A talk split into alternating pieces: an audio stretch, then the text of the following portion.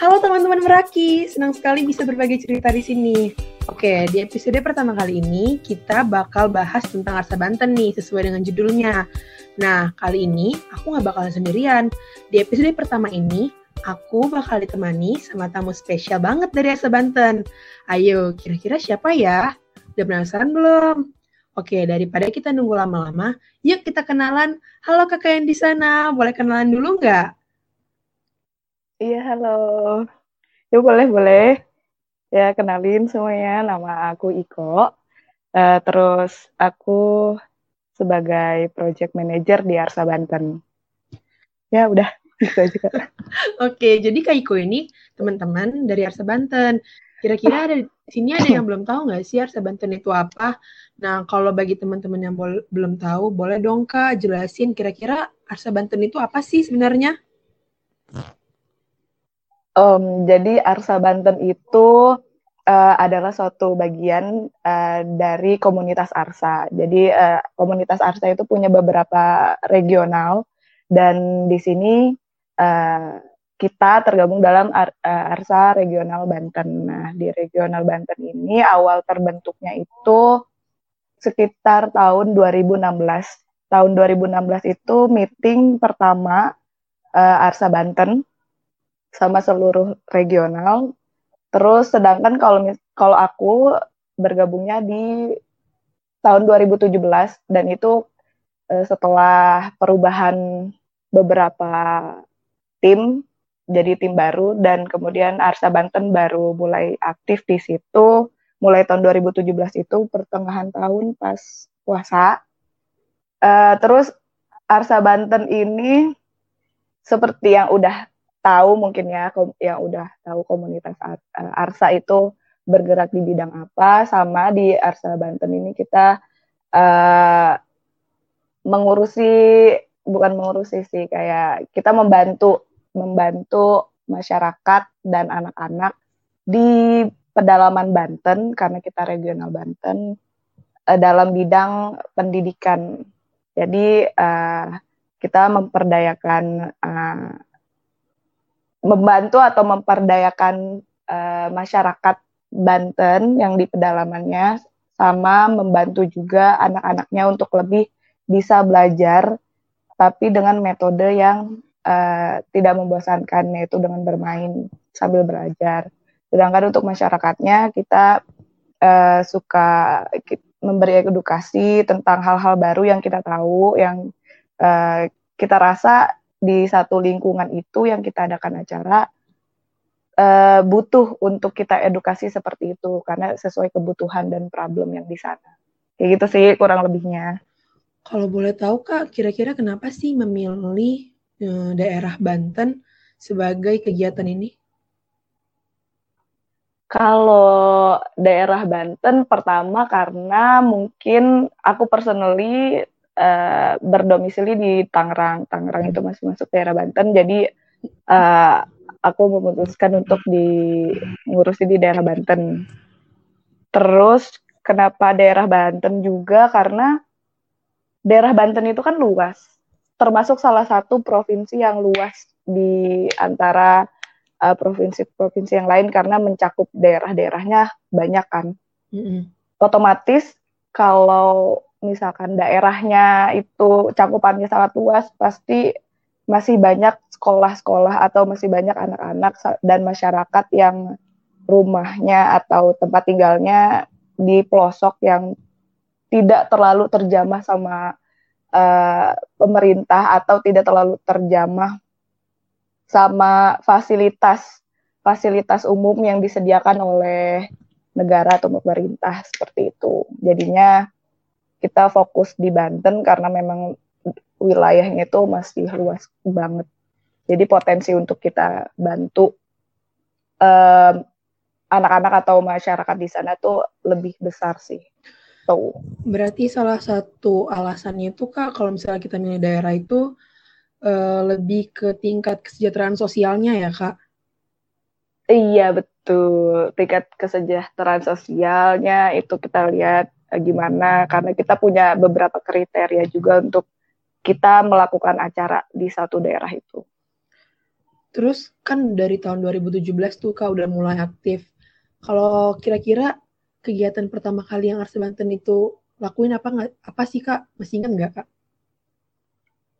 Kalau yang pertama kali itu uh, seingat aku ya, dan kalau nggak salah, dan kayaknya benar juga sih, itu itu uh, save satu kegiatan uh, perdananya itu save satu dari tahun 2017 yang udah mulai aktif itu kegiatannya Chef satu awal banget. Nah, gitu. mungkin teman-teman tuh pada belum tahu kah chef itu apa? Boleh jelasin dong kira-kira chef itu apa dan sejauh ini kegiatan rutin Aksa Banten tuh apa aja gitu. Jadi teman-teman yang dengerin mungkin bisa tahu, bisa tergambar gitu kira-kira Aksa Banten tuh ngapain aja sih? Oke, jadi awal mulanya tuh namanya sebenarnya bukan chef sebutannya, tapi SAF. S A S A F bukan S A F E. Oh, SAF. Uh, kan SAF awalnya tuh nama kegiatannya SAF di komunitas Arsa, tapi udah ganti dari semenjak tahun 2018 kalau nggak salah udah ganti jadi SAF. Hmm. Ditambahin E-nya soalnya kan sharing and fun educating. E-nya nggak kebagian jadinya ditambahin E. So jadi ini awal awal mulanya kegiatan uh, Arsa Banten itu kita ada beberapa kegiatan, tapi memang masih belum terlalu banyak untuk kegiatannya.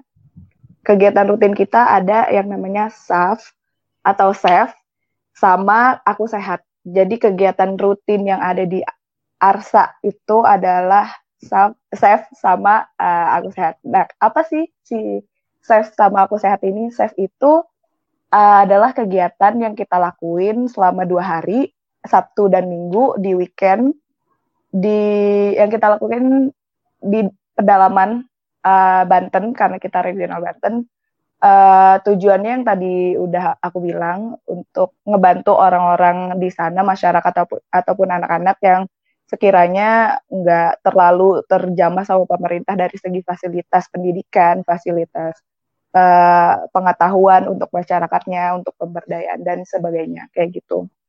Dari uh, dari situ kenapa kita pilihnya Sabtu Minggu? Karena uh, apa ya? Karena sebagian besar eh, orang-orang yang mengikuti kegiatan kita itu adalah orang-orang yang bekerja ataupun uh, mahasiswa. Jadi Sabtu Minggu itu pasti waktunya libur dan bisa beraktivitas gitu. Jadi kita lebih memudahkan orang-orang yang mau mengikuti kegiatan kita. Terus uh, kita itu uh, bas base-nya adalah uh, relawan. Bisa dibilang kita semua itu relawan baik tim maupun uh, semua peserta. Jadi uh, volunteer. Kenapa dua hari itu udah, udah dibilangin tadi kan? Terus uh, kegiatannya itu kita di hari pertama kita mengajar anak-anak karena kenapa namanya sharing and fun educating? Karena kita uh, sharing sesuatu hal yang kita tahu, yang kita paham sama anak-anak. Nah, kita ini targetnya itu anak-anak dari kelas 1 SD sampai 6 SD. Kita target utamanya itu SD, tapi kita sejauh ini sih udah beberapa kali save. Kita uh, masukin juga anak PAUD dan TK uh, terus uh, kita belajar sama anak-anak tapi kita konsepnya itu uh, belajar di luar ruangan jadi kita belajarnya outdoor kita ngajarin anak anak-anak tuh gimana caranya belajar tapi masih fun nggak nggak ngebosenin gitu. Karena kan kalau di sekolah pasti di dalam ruangan terus pasti banyak yang ngantuk anak-anak dan nggak terlalu masuk ke otak. Jadi kita uh, ngajarin gimana caranya mereka belajar tapi tetap uh, sambil bermain lah. Jadi tetap fun dan masuk ke otak gitu gampang masuk ke otak.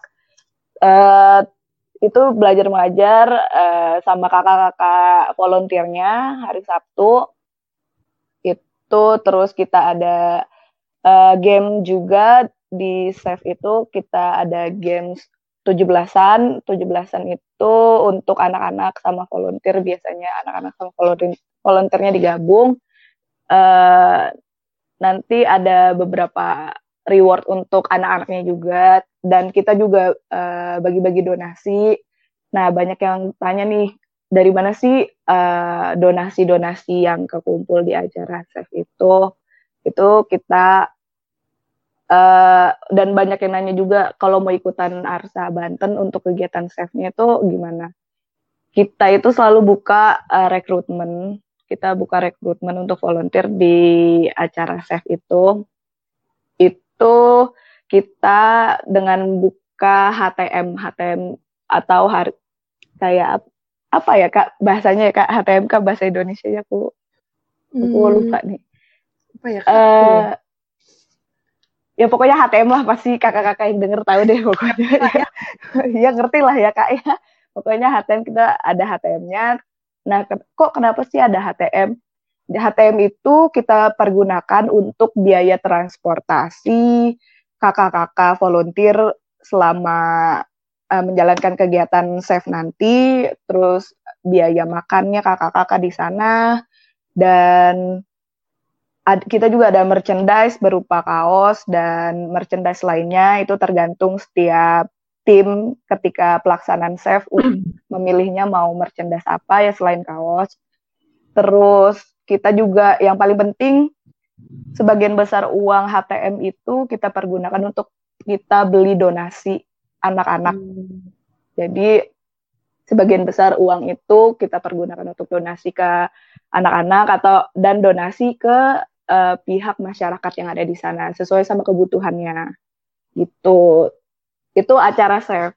Terus kita ada acara aku sehat satu lagi. Aku sehat itu biasanya untuk sampai sekarang sih Arsa Banten untuk aku sehat kita belum pernah buka rekrutmen volunteer. Biasanya untuk aku sehat kita, cuma laksanain uh, tim aja yang ngisi acaranya. Aku sehat ini uh, kita buka uh, open donasi biasanya untuk aku sehat uh, untuk donasi ke tempat-tempat yang kita laksanain aku sehatnya. Terus kenapa aku sehatnya apa sih? Aku sehat nih sebenarnya kayak mini safe. Jadi kita melakukan sama Fun Edu juga.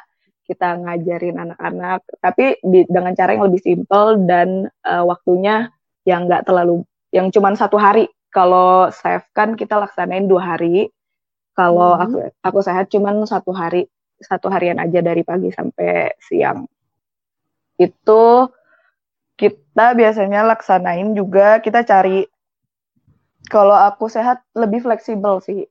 Kita bisa cari lokasi yang uh, dom lokasi yang agak uh, pelosok uh, ataupun kita juga bisa cari uh, panti asuhan ataupun sekolah-sekolah uh, yang uh, kurang kurang layak mungkin ya kurang layak untuk dari segi ekonominya mungkin seperti itu ya. Terus uh, ya udah pokoknya kayak mini chef gitu deh. Ada aku bingung ya ngomongnya gimana. Udah intinya itu deh kak.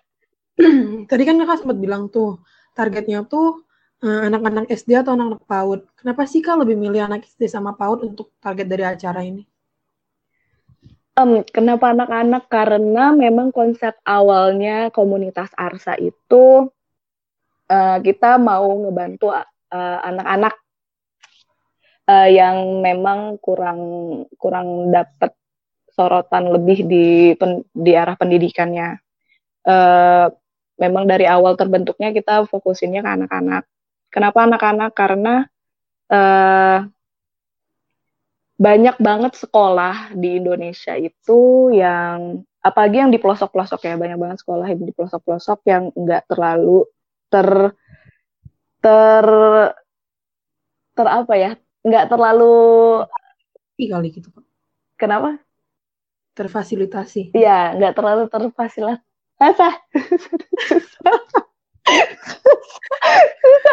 Nggak terlalu itu. Nggak terlalu terfasilitasi. Nah nggak okay. terlalu terfasilitasi.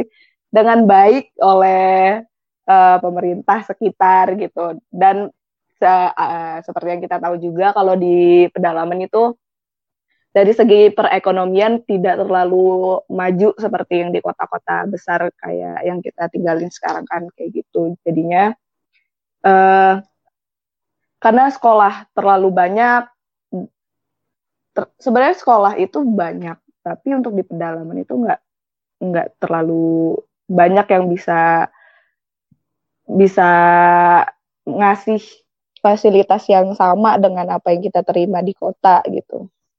Dan anak-anak itu kan uh, penerus bangsa ya bisa dibilang cailah gitu ya. Dia tapi bener gitu. Anak-anak kan penerus bangsa penerus bangsa nanti. Dan kalau mereka tidak terdidik dengan baik gitu gimana ke depannya Indonesia-nya? Ah gimana Indonesia ke depannya gitu maksudnya. Aduh susah ya lidah saya nih apa ya. Gitu. Ya itu kenapa anak-anak karena ya kita mau seenggaknya mau mau berkontribusi uh, buat negara mau membantu negara untuk uh, mencerdaskan kehidupan bangsa. Beh mantap Aduh. ya gitu lah. Itu intinya gitu kak. Ya sih soalnya kan kalau kita lihat nih kak soalnya PAUD dan SD itu kan sebagai sekolah pertama gitu ya. Seharusnya itu yang benar-benar difokusin sama pemerintah gitu. Betul. Kalau misalnya kayak awalnya udah nggak bagus, gimana mau melanjutkannya gitu nggak sih kak? Maksudnya? Betul, betul, betul banget gitu. Dan kenapa uh, kalau di pedalaman itu sepengalaman aku ya banyak banyak orang tua ataupun anak-anaknya sendiri pun yang mikir uh, buat apa sih sekolah tinggi-tinggi gitu? Ujung-ujungnya juga bakalan hmm. kerja kerja di situ juga gitu ataupun kerja di kota. Jadi ya udah sekolah ya cuman sekolah untuk apa dikejar sampai tinggi-tinggi? Sekolah untuk apa uh, harus serius-serius banget gitu. Padahal kan itu sangat penting banget gitu. Jadinya iya. ya. Itu deh. Oke kak kalau boleh tahu nih dari tahun 2017 sampai sekarang itu tahun 2020, berarti kan udah banyak kegiatan Arsa Banten nih. Kalau boleh tahu hmm. sejauh apa sih cakupan daerah yang udah pernah dikunjungi Arsa Banten? Kira-kira yang paling jauh tuh tuh udah sampai mana aja kak? Kalau untuk jauhnya, aku sih kayaknya masih, uh, aku kurang kurang menghitung jarak jauhnya seperti apa ya. tapi tapi uh, paling parah dia kan? paling parah paling parah itu waktu se se se ini ya saya ingat aku ya. Paling parah itu uh, waktu kita save save berapa kemarin? Jalannya save save tiga. Waktu save tiga sama save uh, save lima. Jadi waktu save tiga sama save lima itu itu daerah pokoknya daerah daerah Lebak masih sana lagi. Pokoknya perjalanannya perjalanannya tuh dari alun-alun Rangkas Bitung sampai ke lokasi itu sekitar 2 sampai 3 jam lagi perjalanannya untuk sampai ke lokasi. Dan per, eh, lokasinya itu waktu save 3 itu ataupun save 5 jalanannya itu kebanyakan tuh batu-batu yang memang terjal dan naik turun gitu kayak di bukit uh, kebetulan uh, tempatnya hmm. kita tuh yang di Save 3 dan Save 5 itu di bukit-bukit gitu. Jadinya jalanan cuk, jalanannya cukup terjal terus uh, waktu Save 3 itu seingat aku pas kita datang kita kan datangnya Jumat malam uh, ke hmm. tempat lokasi. Itu pas kita datang lagi abis hujan kalau nggak salah. Abis hujan uh, otomatis jalanan ke lokasi itu licin. Jadi itu kayak concern kita juga sih kayak ini volunteernya safety atau tidak untuk melanjutkan perjalanan. Hmm. terus uh, ini kira-kira bisa atau enggak dilaluin kita pasti komunikasi dulu sama masyarakat desa di sana juga. Uh, dan itu jalanannya biasanya kalau kita kita nggak muat pakai tronton jadi kita tuh perjalanan tuh pakai tronton tronton kayak TNI gitu ya kak kak jadi mm-hmm. ada kadang kita pakai tronton yang gede, kata, kadang kita pakai tronton yang kecil. Tronton yang gede ini kapasitasnya sekitar 60 orang, yang kecil uh, sekitar tiga, uh, 15 orangan. Uh, eh 30 30 orangan ya, sekitar 30 orang. Nah, biasanya karena jalanannya yang uh, bisa dibilang rusak atau ya tidak proper untuk dilalui uh, kayak jalanan biasa gitu, kita lebih sering pakainya yang uh, tronton kecil yang kapasitas 30.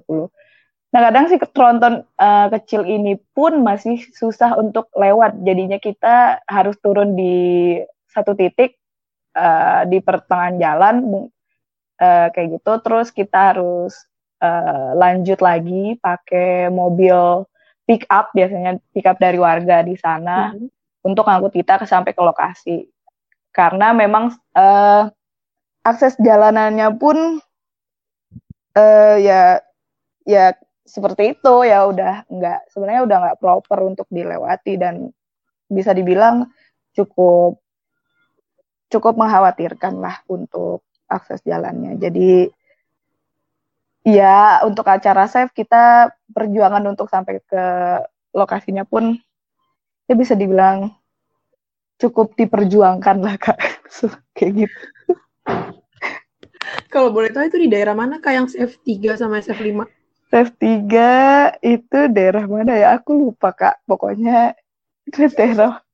Wah, jauh, jauh deh dari dari dari Banten jauh deh masih pelosok lagi. Jauh. itu jauh deh aku lupa karena mungkin udah saking banyaknya kali ya acaranya sombong. Oh, sombong. Nggak kak bercanda kak bercanda ya. Bercanda ya kakak-kakak ini yang dengerin. Kita nggak serius-serius banget ya di sini. Yang paling jadi tantangan selama save itu apa sih kak? Save ataupun aku sehat deh.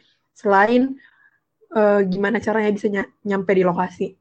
Uh, yang paling jadi tantangannya sih setiap kita mau bikin acara save itu ya terutama save karena kita bawa orang banyak dan harus stay di sana. Tantangannya tuh pertama eh, selain jalan ya yang memang udah ya udah kita tahu di pedalaman jalanannya emang banyak yang rusak. Uh, satu gimana caranya kita nyediain uh, fasilitas yang yang bisa dibilang cukup nyaman untuk uh, para volunteernya juga ber berkegiatan di sana. Kita selalu mikirin volunteer juga karena mau nggak mau kan uh, volunteer juga kan membayar untuk uh, fasilitas yang seenggaknya kita sediakan juga kan gitu. Kita harus mikirin uh, makannya, makan volunteer, terus kita juga harus mikirin eh, kira-kira donasi donasi untuk si anak-anaknya ini apa nih yang lebih tepat? Karena kan tiap uh, tiap uh, apa namanya daerah daerah, tiap daerah punya iya punya gitu ya. kebutuhan masing-masing. Kita mikirin donasi untuk uh, pihak masyarakat bisa uh, donasi ke pihak desanya nih apa gitu yang bisa bermanfaat donasinya yang bisa di, terpakai untuk jangka waktu lama di desanya kayak gitu. Terus um, kita juga mikirin kayak uh, ini kira-kira kalau kita melakukan kegiatan di sana, apakah uh, ada pantangan-pantangan atau tidak di daerah? Karena kan tiap daerah, apalagi daerah hmm. pedalaman tuh pasti um, kita kayak Iya punya peraturan gitu ya. masing-masing gitu, gitu kan. Apalagi kalau masih ada adat-adatnya seperti itu. Jadi kita uh, make sure dulu itu salah satu tantangannya sih. Soalnya kan kalau misalkan kita bisa udah dapet nih tempat yang menurut kita cocok sesuai kriteria. Terus ada ada peraturan yang harus kayak gini, kayak gini, kayak gini. Jadi kita pertimbangin lagi ini uh, bisa bisa bisa atau enggak nih kita bikin acara di situ yang kayak gitu lebih ke situ sih ke teknis acaranya. Nah sejauh ini kak ke daerah-daerah yang udah pernah dikunjungin, gimana sih tanggapan masyarakat, terutama da masyarakat dari desa-desa tersebut tentang kegiatan yang dilakukan sama Arsa Banten? Uh, sejauh ini sih respon masyarakat-masyarakat yang udah kita bikinin aktif uh, kegiatan di sana tuh sangat positif karena mereka kayak mendukung gitu, mendukung untuk uh, ada acara, mendukung untuk anak-anaknya diberi edukasi yang mungkin nggak uh, didapetin di sekolahnya atau kayak gitu. Jadi mereka sih sangat senang gitu, sangat sangat excited untuk oh menyambut kita gitu kayak oh iya kak gitu. Oh iya boleh kapan? gitu yang kayak gitu gitu malah mereka yang excited dan nanyain oh iya boleh kapan? yang kayak gitu gitu sih. So far bagus. Nih kak aku penasaran deh kan Arsa Banten ini kan targetnya kayak ke desa-desa ke daerah-daerah yang terpencil gitu yang kurang terjamah sama teknologi gitu kan. Kalau boleh tahu pernah nggak sih kak kejadian kayak kesulitan komunikasi di sana? Mungkin mereka masih pakai bahasa daerah kayak susah ngomong bahasa Indonesia gitu ada nggak sih kak kejadian-kejadian kayak gitu? Hmm, kalau kayak gitu sering sih karena uh, di beberapa case kita adain acara juga itu tuh banyak lokasi yang uh, di lokasi itu nggak nggak kejamah provider apa pun provider HP apa pun di sana jadinya kita nggak bisa komunikasi via handphone di sana otomatis. Kayak misalkan kita harus janjian dulu nih. Kita survei misal kita survei terus kita harus janjian dulu sama pihak desanya yang di sana uh, koordinatornya di sana. Pak nanti hari ini kita mau uh, mau ngabarin bapak untuk ini ini apa itu yang kayak gitu. Terus nanti uh, si bapaknya kayak naik naik ke daerah yang lebih tinggi atau uh, ke mana gitu yang bisa dapat sinyal untuk HP-nya baru mereka bisa kita hubunginya kayak gitu gitu jadi itu salah satu kendalanya sih kalau komunikasi susah untuk koordinasi ke arah sana mau nggak mau kadang kita harus balik ke tempat itu balik ke lokasinya untuk nanyain apa apa apa aja yang belum kita pastiin yang kayak gitu. Terus sama bahasanya juga uh, kebanyakan karena kalau di Banten bahasanya Sunda ya kebanyakan. Jadi mm, hmm. kalau dari pihak uh, kitanya sih sebagai tim kita kalau misalkan survei pasti ngajakin yang bisa bahasa Sunda juga. jadinya jadinya ya ya oke okay lah gitu. Tapi kalau misalkan pas kegiatan pas acara ya ada beberapa volunteer yang memang tidak nggak biasa ngomong bahasa Sunda gitu kan. Jadinya uh, taktiknya adalah uh, di setiap kelompok jadi kita tuh pas saya itu pasti dibagi per kelompok volunteernya. Sesuai sama anak-anaknya. Ada berapa kelompoknya. Anak-anaknya kita kelompokin terus di volunteernya juga kita kelompokin. Nah di setiap kelompok volunteer ini karena notabene di sana pasti ngomongnya bahasa Sunda dan masih ada yang suka kesulitan untuk ngomong bahasa Indonesia si anak-anaknya atau masyarakatnya.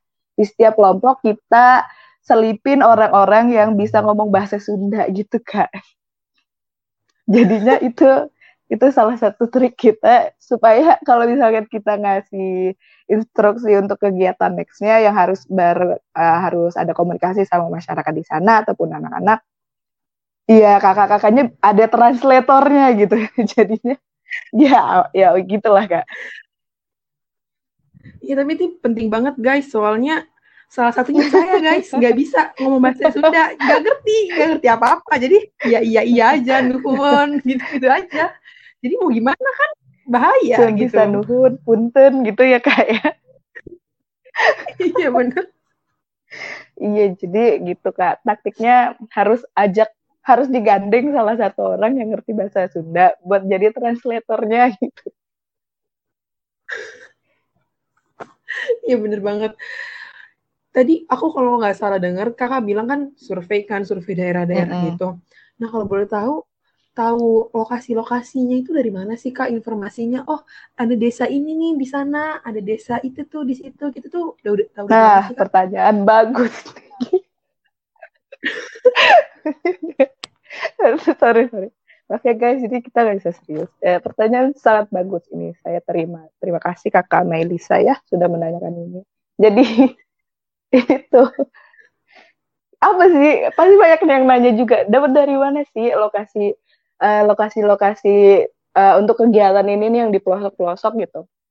Uh, kita tuh uh, ada beberapa referensi. Jadi uh, kita kan punya divisi namanya PR, eh, PR ya benar. Kita punya PR. Nah di PR ini biasanya orang-orang yang punya relasi-relasi uh, lumayan cukup luas di daerah Banten yang tahu nih uh, ya ya mungkin yang bekerja di kecamatan atau sensus penduduk atau punya orang yang tinggalnya tidak jauh dari lokasi yang kayak gitu.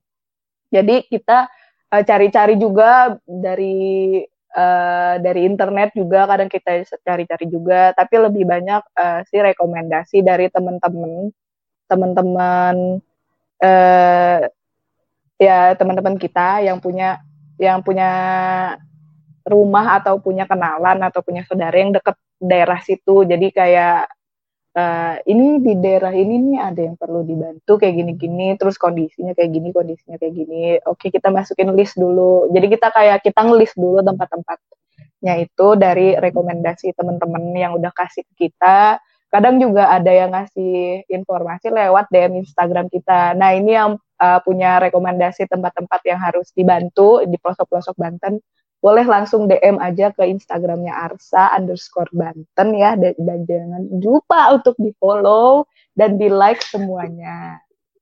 Tuh, jadi ya seperti itu. Kita dapat referensinya dari uh, orang-orang sih, dari teman-teman yang tahu daerah sana ataupun teman-teman yang kerja di sensus kita cari informasinya apa daerah-daerah yang masih mohon maaf ya yang masih terbelakang kayak gitu. Oke kak, berarti kan dari tahun 2016 aktifnya 2017 sampai tahun 2020. Kasih tahu dong kak alasan kenapa sih kakak betah di Arsa Banten? Ah, waduh. Jadi agak Shock. agak agak mancingan ya mantap juga ya. Saya takut um, mengeluarkan kata-kata yang mungkin. Ah, sudah back back to the topic. Ya ma mohon maaf ya ini yang lagi dengerin. Ini uh, kenapa alasannya bisa betah selama dari 2017 kalau aku kan uh, dari 2017 gabungnya sampai 2020 sekarang. Uh, yang di mana itu sudah menginjakkan tiga tahun di tahun ini lumayan cukup lama bukan? Betul. Ya. Jadi alasannya tuh karena ya di Arsa itu uh, kita dapat teman-teman yang menurut aku sefrekuensi. Jadi kita punya hobi yang sama, uh, kebanyakan kita punya hobi yang sama, kita punya kesukaan yang sama, kita punya uh, visi yang sama juga, beberapa visi yang sama yang kayak gitu. Jadi uh, orang-orangnya pun Uh, terutama di Banten ya karena aku di Banten jadinya lebih banyak berinteraksi sama yang Banten. Terutama ya kayak merasa satu frekuensi lah. Kita uh, aku sama teman-teman yang lain suka berkegiatan sosial punya visi juga kayak menorong bah bah bah mohon maaf lidahnya nih. Menolong orang. Kayak seneng gitu buat nolong orang kayak gitu. Terus kayak seneng juga kalau ngeliat orang-orang yang kita bantu itu uh, seneng dengan apa yang kita bantu. Terus lingkungan pertemanannya tuh ya bisa dibilang sangat sehat. Karena kita saling mengikat mengingatkan satu sama lain. Widi gitu. Wow, itu alhamdulillah masya Allah tabarakallah kak. Gitu kan. Kayak maaf ya. Gitu gue kayak ya dan ini sih sefrekuensinya juga kebanyakan apalagi kalau di Banten itu otaknya rada-rada gesrek semua gitu kak tim-timnya. Jadi ya kita nyaman-nyaman aja lah gitu selama tiga tahun. Tidak terasa tiba-tiba udah tiga tahun gitu karena ya mungkin otaknya pada geser semua. Jadi nggak inget nggak inget waktu juga gitu enjoy, enjoy gitu ya, aman bunda gitu deh pokoknya eh inget guys di R Banten gak cuma dapat oh, dapat jodoh juga. Ya, aku lupa itu paling terpenting sih. Apalagi Arsa Banten untuk kakak-kakak yang dengerin nih, tolong tolong yang bagian ini di bold dan dicamkan di otak kakak-kakak semua ya kak. di Arsa Banten itu dari seluruh komunitas Arsa regional lainnya, cuman di Arsa Banten saja kak, yang di mana biasanya setelah kita melaksanakan acara chef itu pasti ada aja satu undangan pernikahan yang muncul kak di grup. Jadi selain kita mendapat teman, kita mendapat relasi, kita mendapat pengalaman baru, kita bisa lebih bersyukur kepada kehidupan, bisa untuk menjadi ajang pencarian jodoh, bukan ajang pencarian bakat ya kak, ajang pencarian jodoh, ya. Jadi menyempurnakan agama se sebagai iya, iman. Itu makanya ikut Banten beneran ini, ini loh. Bisa bisa dicek testimoninya kak eh, sama eh, kakak-kakak yang sudah mengikuti setiap acara Chef kelar itu pasti ada yang menyebar undangan satu. Jadi kalau yang ikut Arsa Banten itu banyak yang cepat sold out. Buat kakak-kakak yang sudah mulai desperate uh, menemukan jodohnya, boleh ikut acara kita. Siapa tahu dari acara kita ketemu sama jodohnya. Iya kan? Hai. Benar sekali. Kalian yang senyum-senyum sekarang pasti kalian juga mengalami ini. Sudah terbukti kak, sudah Buat terbukti. Senyum -senyum. Banyak yang dipertemukan. sedang banyak yang dipertemukan di Banten ini. Banyak. Jadi kita kayak uh, komunitas sosial uh, pendidikan sosial tapi juga bisa di slash uh, ajang pencarian jodoh. Mungkin kayak take me out gitu kali ya kak. Cepet prosesnya. Iya. yeah. Kak, dua pertanyaan sebelum closing. sebelum pembahasannya oh, iya, makin ke mana-mana, sebelum para pendengar bingung. Oh, iya, iya, sebelum roaming ya, roaming. Gimana? Roaming, ini kakak-kakak yang denger. Oke. Okay. Ya lanjut lanjut. Eh serius serius. serius. Enjoy aman, enjoy aman. Ayo, ayo. Selama tiga tahun kira-kira hal berharga apa yang kakak dapetin yang dari Arsa Banten? nangis nih. Oh nangis. Tolong tahan air mata aku ya. Canda-canda guys. Selama tiga tahun apa yang paling eh, pengalaman paling berharga adalah uh, selama di Arsa aku uh, jadi orang yang lebih baik pertama. Uh, tuh kan jadi menangis beneran, gak ada yang bohong. Banget sih. Gak bohong. Pelajaran yang paling berharga adalah uh, aku selalu inget di otak aku kalau kebahagiaan itu selalu muncul dari kesederhanaan. Itu sih kuncinya yang selalu paling berharga yang di Arsa ini yang aku dapat uh, sesuatu hal yang mungkin buat orang lain itu terlihatnya biasa aja atau kayak eh apa sih yang kayak gitu. Tapi uh, di mata orang lain tuh kalau di mata orang lain yang butuh gitu akan sesuatu yang kita kasih itu yang mungkin orang lain lihatnya biasa aja nggak berharga atau gimana itu tuh kayak kebahagiaan buat mereka. Jadi kayak ya bahagia itu sederhana. Bahagia yang hakiki itu ya kesederhanaan yang sangat sederhana. Jadinya itu pengalaman berharga aku sih. Yang paling berharga aku selalu ingat untuk jadi orang yang selalu bersyukur intinya. Itu guys. Jadi nggak ria jadi orang. Oke. Okay. Benar sekali benar. Kira-kira kak pertanyaan terakhir nih. Oh iya, iya. nggak pertanyaan terakhir Oke. Okay. Apa yang membuat kakak betah di Arsa Banten dan please dong kasih alasan buat teman-teman uh, bergabung di Arsa oh, Banten. Oh baik. Tadi uh, aku udah bilang kan uh, kenapa aku kenapa betah di Arsa Banten karena memang orang-orangnya yang asik untuk diajak sharing sharing dalam segi hal apa pun dan uh, kita berusaha untuk hmm. uh, nerima uh, kekurangan semuanya. Jadi kayak pasangan gitu. Kita di si di Banten tuh harus dipaksa untuk menekan ego masing-masing. Nggak di Banten doang sih seluruh regional itu kayak gitu. Kalau di Banten sih kayak gitu yang aku rasain karena aku tim Banten ya gitu. Jadi uh, kita disuruh untuk negan, neken ego kita masing-masing. Walaupun memang uh, ada beberapa pasti banyak drama yang terjadi selama tiga tahun itu tidak mungkin tidak gitu kan. Tapi kita tetap bisa cepat untuk balik lagi balik normal hahaha lagi karena ya kita udah tahu satu sama lain. Itu yang bikin betahnya kita kayak udah paham gimana nih cara treat orang yang kayak gini yang kayak gini.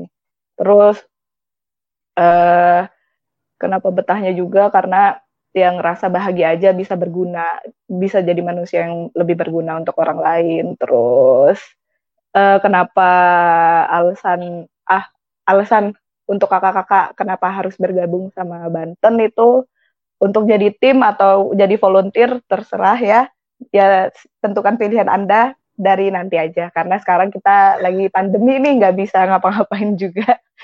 Jadinya um, apa iya, iya makanya ini bikin podcast. Um, untuk alasannya bergabung ke kita itu ya kita sangat menyenangkan lah orangnya. Menyenangkan hati menyenangkan pikiran ya ya bisa menjadi hiburan untuk kakak-kakak semuanya. Bisa mungkin jadi pengalaman baru bertemu orang-orang unik. Percaya percayalah kak di Banten isinya orang unik semua jadinya mungkin kakak belum pernah bertemu sama orang ini di tempat lain kakak akan menemukan itu di Banten. Jadi ya hidup kakak akan jauh lebih berwarna di di Banten. Jadinya ayo swipe up. Enggak deh belum bisa swipe up. Ayo dong kak makanya kak. IG kita tuh di follow biar kita bisa swipe up gitu loh. Di follow dipantengin, dipantengin. Iya, ya. suka banyak yang nanya juga kan di DM, Kak ini kapan acara ada acara lagi di atau di komen Kak ini kapan.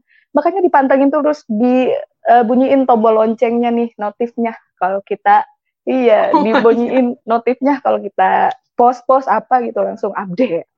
Tuh.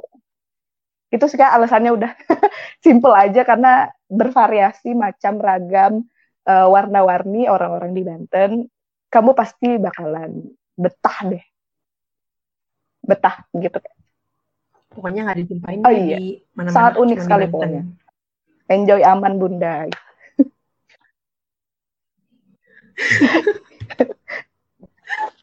Oke okay, guys, uh, pertanyaan tadi menjadi pertanyaan penutup dari sesi kita pada malam hari ini. Eh nggak pada malam sih, untuk ter terserah kalian sih. Ketahuan ya kak. Kapan. Pokoknya itu jadi pertanyaan. jadi ketahuan deh. Mohon maaf guys, ya beginilah manusia-manusia kalong gitu ya, kerjanya malam gitu. Ya udah deh, mungkin itu pertanyaan penutupnya. Uh, aku dari teman-teman podcast Meraki mewakili Arsa Banten mengucapkan terima kasih kepada Kak Iko yang juga merupakan bagian dari Arsa Banten. Terima kasih Ini Kak. sama-sama. Senang ber, ber, berbincang. Pah, pah, pah. Tolong ini lidah saya kenapa. Senang berbincang dengan uh, Anda ya, Ibu ya. Enjoy aman Bunda pokoknya. Oke okay, guys, mungkin sekian aja yeah. dari kita berdua. Uh, tetap pantengin podcastnya of course, of course. of course. Meraki uh, biar tahu episode episode selanjutnya karena episode selanjutnya masih bakal pasti lebih asik, asik. lagi. Jadi mungkin itu aja dari kita. Kita ucapkan terima kasih dan bye. Bye.